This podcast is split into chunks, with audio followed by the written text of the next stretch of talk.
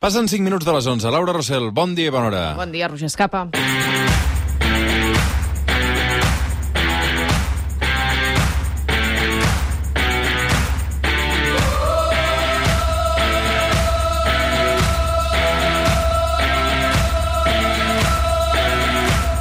Laura, com va la vida? Doncs bé, mira, aquí un diumenge més, no? Una setmana en què ha tornat a passar, n'hem parlat molt i llegit molt aquests dies, Sí. el cas de la manada es repeteix a Manresa si fan o fan els mateixos paràmetres que vam explicar també fa uns mesos en el cas de Pamplona. Sí, i de fet els jutges el que han fet és dictar una sentència eh, un altre cop en contra del sentit comú del carrer en un cas eh, tan flagrant com és una- el d'una violació a un grup. Pensàvem que amb la polèmica que va envoltar el que tu ara es deies, la sentència de la manada, els jutges potser haurien pres nota que no es pot eh, sentenciar de manera tan freda o tan eh, poc empàtica amb els sentiments de les víctimes, però sí, ha tornat a passar. En aquest cas, a més, la víctima és una noia de Manresa que en el moment de la violació tenia 14 anys. Can you hear?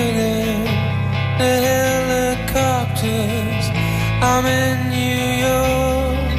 Recordem que la víctima de la manada de Manresa era menor i els sis acusats eren majors d'edat. I a més la van violar per torns, aprofitant que ella anava beguda i drogada, perquè havien, venien tots d'una festa, d'un botellón.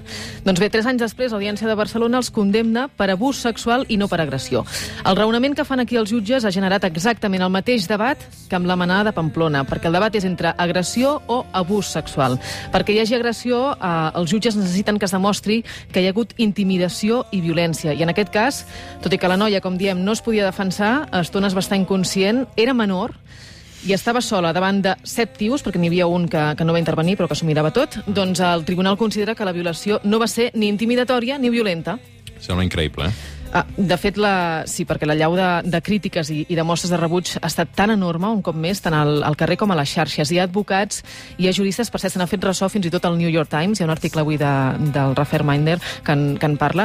Doncs, com deia, advocats i juristes tan poc sospitosos de ser inconsistent com, inconsistents com són la, la Carla Vall o el Joaquim Bosch, apunten que cal reformar el Codi Penal, per exemple, que una opció seria eliminar aquesta distinció entre abús i agressió, que sempre es parli de, de violació directament, violació com a concepte únic per parlar de qualsevol eh, agressió en la que hi hagi penetració sense consentiment, perquè eh, fila tan prim la llei que, que entra a valorar aquests detalls.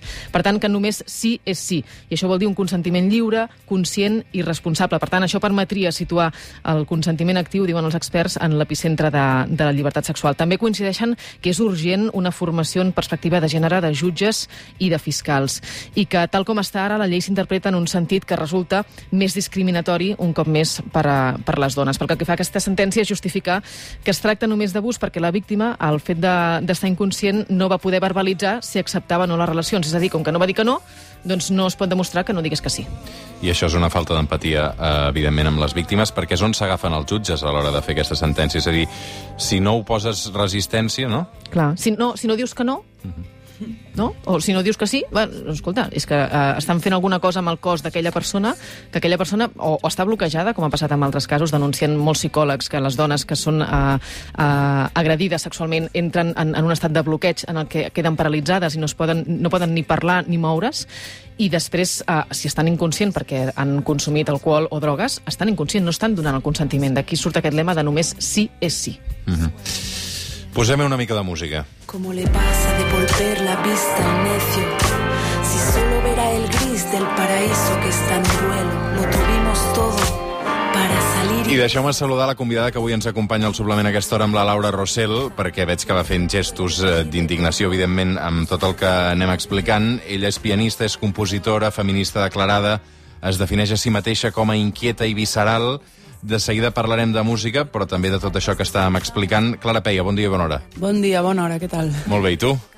Aquí, aquí, escoltant. Posant-me les mans al cap. Anar fent sorolls i cops de... Bueno, sí, perquè la Laura ho explica molt bé i, i evidentment, el tema el, ja sabia la sentència i tot això, però explicat realment així, no? Que facin cursos, que facin cursos, per favor. Tot i que penso que n'hauríem de fer molts per entendre alguna cosa. Mm. T'ho dic. La Clara Peia està considerada una de les creadores més originals que té l'escena musical del país, té una biografia frenètica. Quants anys tens tu ara, Clara? 30 pocs? D'anys? D'anys, sí. 33. 33 anys. Una biografia frenètica amb 33 anys que transit entre la música, el teatre, l'activisme. Aquest 2019, amb un discurs espaterrant, eh, rebia el Premi Nacional de Cultura amb el millor disc de l'any per la crítica dels Premis Enderroc, també per Estómac. Vull dir que... Uh, quin currículum, eh? Sí. No, però deixa'm, perquè m'interessa molt la, la, la veu de, de la Clara en aquest sentit. Ho fem des dels mitjans, eh, criticar mm, casos com aquests de, de la manada de Manresa i també el de Pamplona. Jo no sé si tu creus que des de l'art també eh, és un altaveu des d'on es pot criticar aquest tipus de, de situacions i de... No, no, no és que pensi que o sigui, és l'altaveu. Diríem que jo crec que l'art eh, mm, genera un, un, una empatia que no pot generar un discurs molt més racional, no? Perquè és molt més emocional moltes vegades, no? I crec que és l'eina de transformació social més potent que tenim. És que, és que jo sempre ho dic i, i n'estic convençuda, no? Jo parlo, parlo, parlo i, i la gent pot escoltar o no, però després, quan les coses es posen en, en cos i en, i en teatre, de cop mm, tot canvia. Eh? Jo ho he vist moltíssimes vegades. Per tant, art i compromís social no es poden desvincular. Per mi no però evidentment això és un, una conversa que he tingut amb moltíssimes persones en, que, que per elles són, són camins diferents i, i, i està molt bé. Per mi, en el meu cas, no, perquè crec que les artistes tenim un, una responsabilitat que també ve donada pels privilegis, no? Mm, tota, tota la gent que m'envolta mm, músiques i, i eh, actrius, etc, doncs el 90% són gent molt privilegiada que ha tingut doncs, les coses molt fàcils i que per tant jo crec que s'ha de fer responsable d'això és, que, és que si no les coses no canvien si no acabem fent teatre per homes blancs heterosexuals de classe mitja i a sobre qui va a consumir-lo són les dones, no té cap sentit no? D'això en parlaves precisament en el discurs, eh, dels privilegis. Sí. Uh, consideres que s'han de posar al servei de les causes socials o al servei de la gent que no ho té? Bueno, no és té? que jo penso que és, és que el, el, el teu privilegi l'has d'utilitzar per generar nous espais, no? Perquè realment, mm, no sé, la, la vida o la història no està escrita per totes les persones, no? I jo com a dona blanca em queixo, però jo sóc una dona blanca de classe mitja amb privilegis, però és que hi ha moltíssimes persones que són racialitzades, que són mig- migrades, que tenen diversitats, que mil coses i que no estan contemplades dins d'aquesta societat, no tenen veu, és com si no existissin. I realment, mm, imagina't no tenir referents, no sentir-te representada, que és una cosa que a les dones ja ens ha passat molt sovint, no? O sigui, jo he fet la carrera de música, he estat no sé quants anys fent clàssic i modern, i jo no he tocat mai cap obra de cap dona. Hola, què tal? Què em diràs? Que no, que no fèiem res, no? O sigui, aviam... Llavors, realment, jo crec que és molt important obrir camí, obrir camí i, i anar generant referents. Per això és molt important, per exemple, figures com ara les Seis Sisters, que, que estan generant, doncs, estan obrint un espai a les persones racialitzades que crec que és interessantíssim, no? Les vam tenir fa molt poc. eh, A més, Que no, no paren perquè, eh, paral·lelament a tot el musical que estan fent, eh, continuen presentant el seu disc, crec. Sí, i tant, i tant. Vull dir que... Sí, sí, Creus sí. que era, molt, que era, era incòmode per molt del públic que t'estava veient el discurs que vas fer el dia del Premi Nacional de Cultura? És que no ho sé, m'importa. és que no sé com dir-t'ho. És a dir, jo tenia unes ganes de rebentar el micro, però... Sí, ho vaig veure, dir que es, es, es notava, no ho vas dissimular, no? No, bueno, doncs encara em van dir, escolta, has estat prou... Bueno, perquè, clar, realment per mi també era una dualitat no rebre aquest premi. Mm, és un premi, són diners, eh, és acceptar un premi... Bueno, és entrar dintre de, de, de, estar dintre del sistema. Jo també penso que en l'activisme si no, mm, també és necessari que hi hagi gent des de dins per canviar les coses, perquè des de fora és una mica més difícil, no? Llavors, bueno, va ser tot un... Va ser tot un, un dilema. Mm. Des de la- des de l'art, des dels escenaris es pot fer aquest activisme. Des de les institucions, creus que es podria fer també? Mm, clar, s'hauria de fer. Bueno, eh, s'intenta, no? D'alguna manera jo crec que, eh, que jo rebi un Premi Nacional amb aquesta edat no té a veure és a dir, no, no, no em vull treure mèrits, eh? vull dir que he fet moltes coses, sóc hiperactiva, faig moltes coses i, i jo agraeixo molt que me l'hagin donat, però crec que també té a veure amb, una, amb un intent de, de començar a canviar les coses i també doncs, sóc una bona quota, no? Soc noia, sóc jove i activista, no? Amb un, amb un premi treus tres, tres coses de sobre, no? Sí, tu creus que et van donar el premi perquè eres una quota? Bueno, jo penso que jo hi ha moltes parts de coses que rebo que són quotes, però és que també mm, valorar l'art, eh, eh, tot el que són els reconeixements, és una cosa que em crea molta controvèrsia. Però bueno, també mm, eh, crec que és guai, no? perquè els, els diners que jo vaig rebre estan invertits absolutament en art compromès. Ni res, res de lo que jo he guanyat ha sigut directament per mi, per viatge a un no sé què, saps? I crec que això també és molt important d'explicar i ho hauria d'haver explicat en aquell moment, perquè perquè són, en realitat són diners que paga, que paga la gent, no? Vull dir, és com, què fas amb els meus diners, no? Doncs jo segueixo invertint i segueixo, segueixo amb, molt compromès amb l'activisme i, i, i amb aquest camí.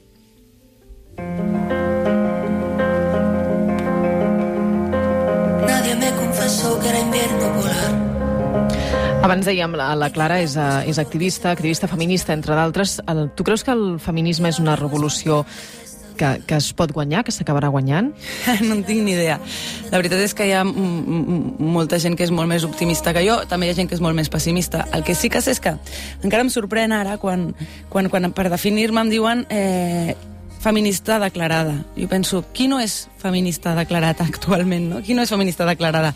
Tant homes com dones, no? Vull dir, és una cosa que em defineix, mm, hauria de ser, un, no, no hauria de ser una cosa que em definís, no sé com, em, em, em sorprèn encara, no?, que això pugui ser una etiqueta que defineixi algú, perquè això hauria de ser una cosa molt més normalitzada, no?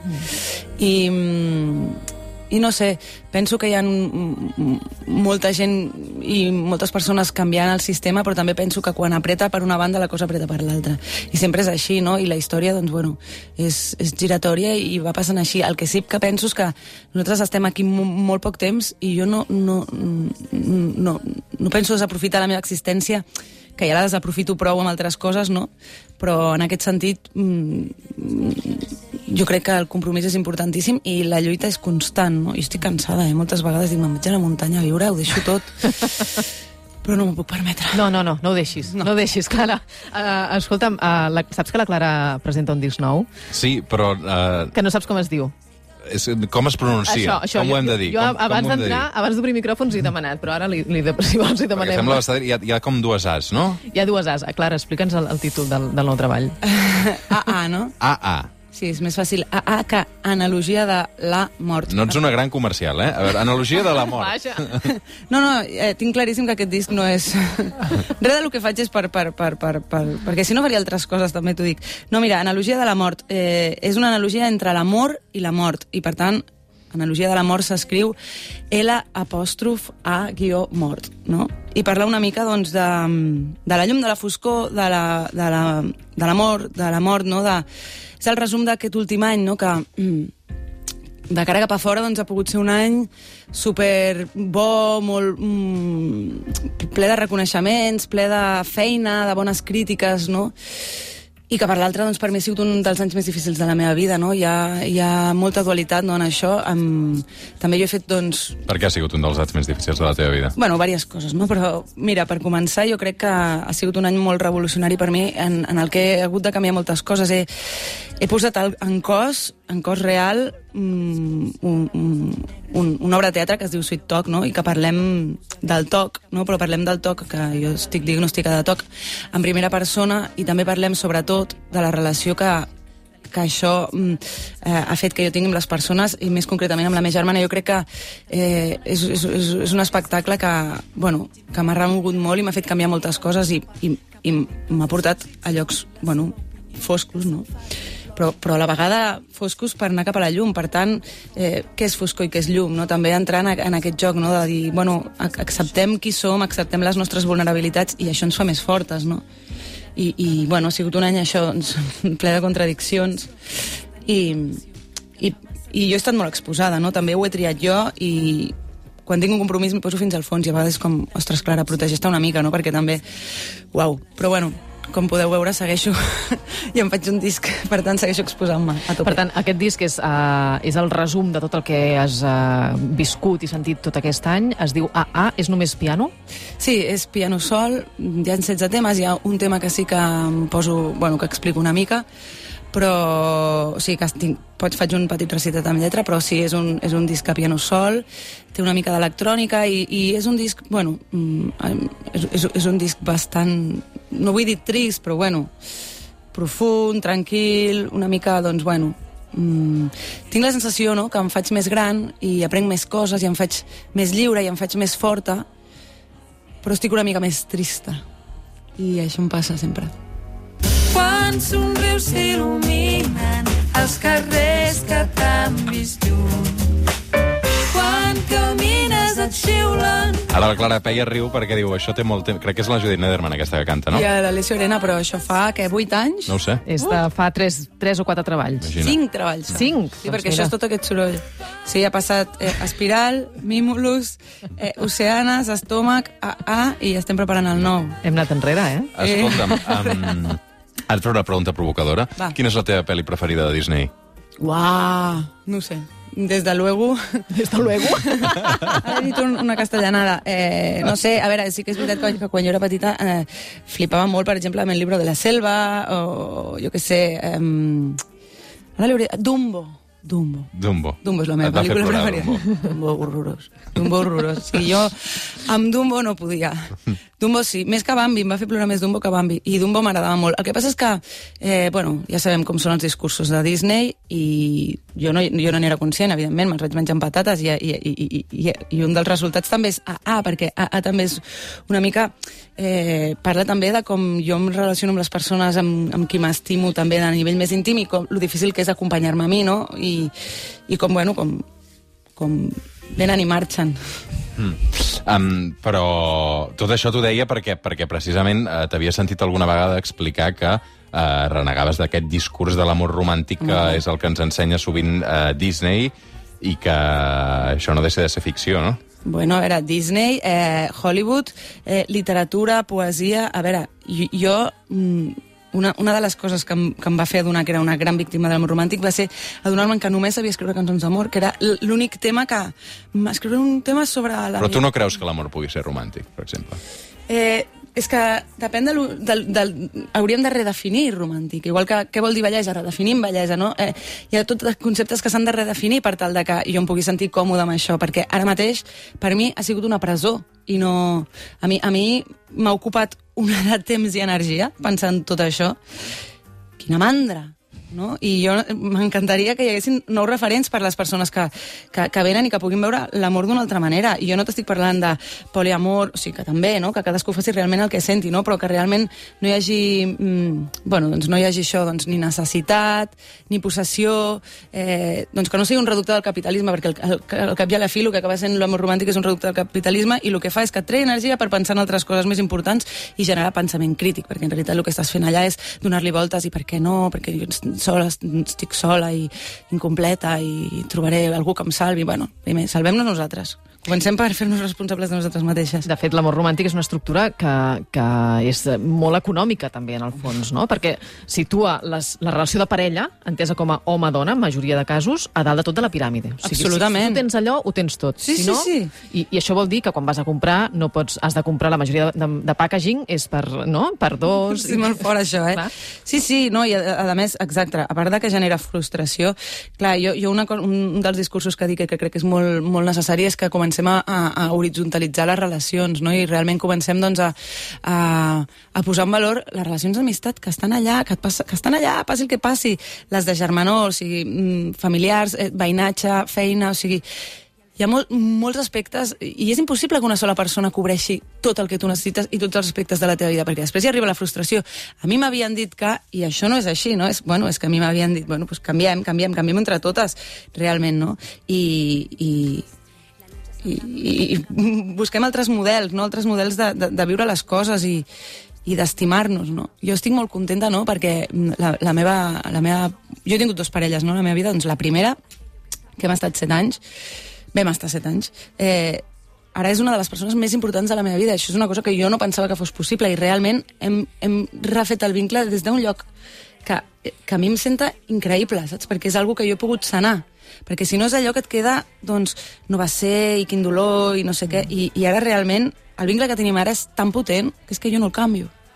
Bueno, per sort també estem redefinint totes aquestes uh, nocions, no? Ara ja l'amor romàntic comença com a mínim a tenir esquerdes i s'accepten que hi ha altres maneres de relacionar-se. Sí, sí, sí, sí, sí, sí, sí, per sort, per sort. Bueno, són petits canvis, el que passa és que jo, amb la meva generació, jo tinc 33 anys, i jo i la meva generació me n'adono que ens costa molt. Hi ha moltíssimes generacions per sobre que, bueno, que una dona als 45 anys sola és com un fracàs i és com, hòstia, doncs, doncs escolta, pots fer moltes coses, pots decidir per tu mateixa, igual no t'has de menjar tots els marrons, no? Vull dir, jo què sé, re re redefinim les coses i, i revisitem-les des d'una altra perspectiva, no?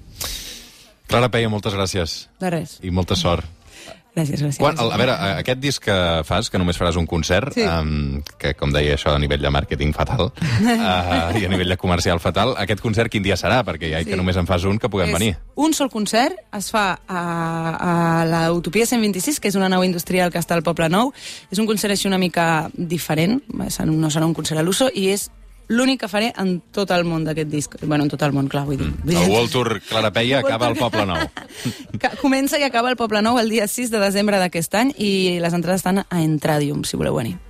I don't feel comfortable in a small town. I get a bit tense, mainly because I'm in this situation. And in a small that's all right from a distance. No marxis, Clara, perquè la Laura Rossell també ens porta algunes recomanacions. Això què és, Laura? Doncs això és Nanet, el monòleg de la Hannah Gatsby, que, si us plau, descrivim els gestos de la Clara. Sí, no? Està eufòrica, bàsicament. L'he vist quatre vegades, ho he de dir. És que és un, és un monòleg, jo el vaig veure fa temps també, però és que eh, s'ha de revisitar amb freqüència perquè, perquè ho, ho peta, ho peta peta Netflix fort. i, i, i del tot.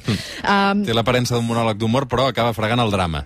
és que sí, és que, és que fa riure, però fa plorar, però fa, és, és, és dolorós a la vegada, o sigui, és... I és una gran reflexió, és una reflexió enorme. Amb un, amb un molt poca estona és una gran, gran, gran reflexió. Per mi és... I, i, i mostra de vulnerabilitat extrema. De tothom. O sigui, Sí, sí, sí. persones amb aparença de ser una persona molt dura, amb una cuirassa resistent, i, hosti, i són fràgils per dins, i estan trencades per dins, i potser no ho veiem. Pels qui no la coneguin, la Hannah Gatsby és una artista australiana, eh, és homosexual, i la Nanet és una confessió en què ella s'obre en canal, mostra totes les ferides, com deien, que, que acumula des de petita, pel fet de ser dona, pel fet d'agradar-li les dones, i pel fet d'haver nascut a Tasmània, que és una de les poblacions més homòfobes del món. Què dius ara?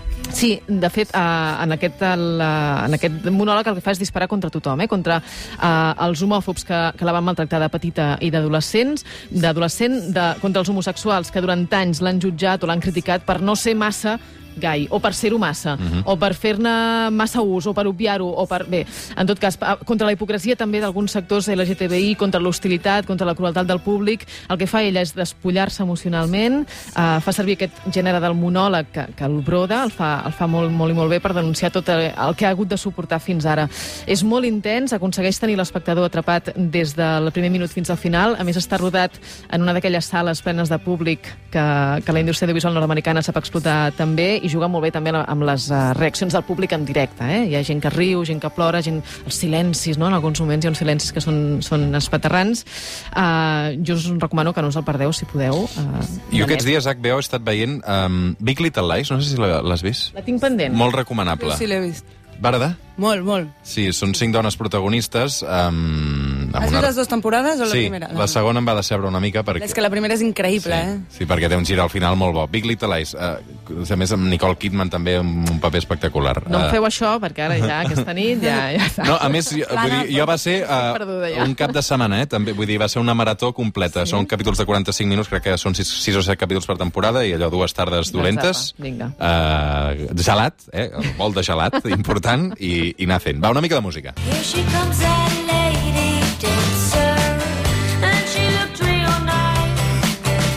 minut i mig per arribar a dos quarts de 12 del migdia. La setmana que ve aquesta hora, Laura, estarem en plena jornada electoral, així que necessitarem reforços també al suplement. sí, però com que ja no Quina té... mandra, eh? No té... Es pot dir que fa mandra o no? Fa, fa mandra. Ah, fa mandra. Es pot dir Fa així amb mandra. totes les lletres. Fa mandra el 10 n Però com que no és excepcional, perquè total portem quatre eleccions en quatre anys, doncs eh, què et sembla si fem una mica la nostra? I nosaltres la farem grossa avui amb la Laura Rossell, eh, diumenge que ve el suplement.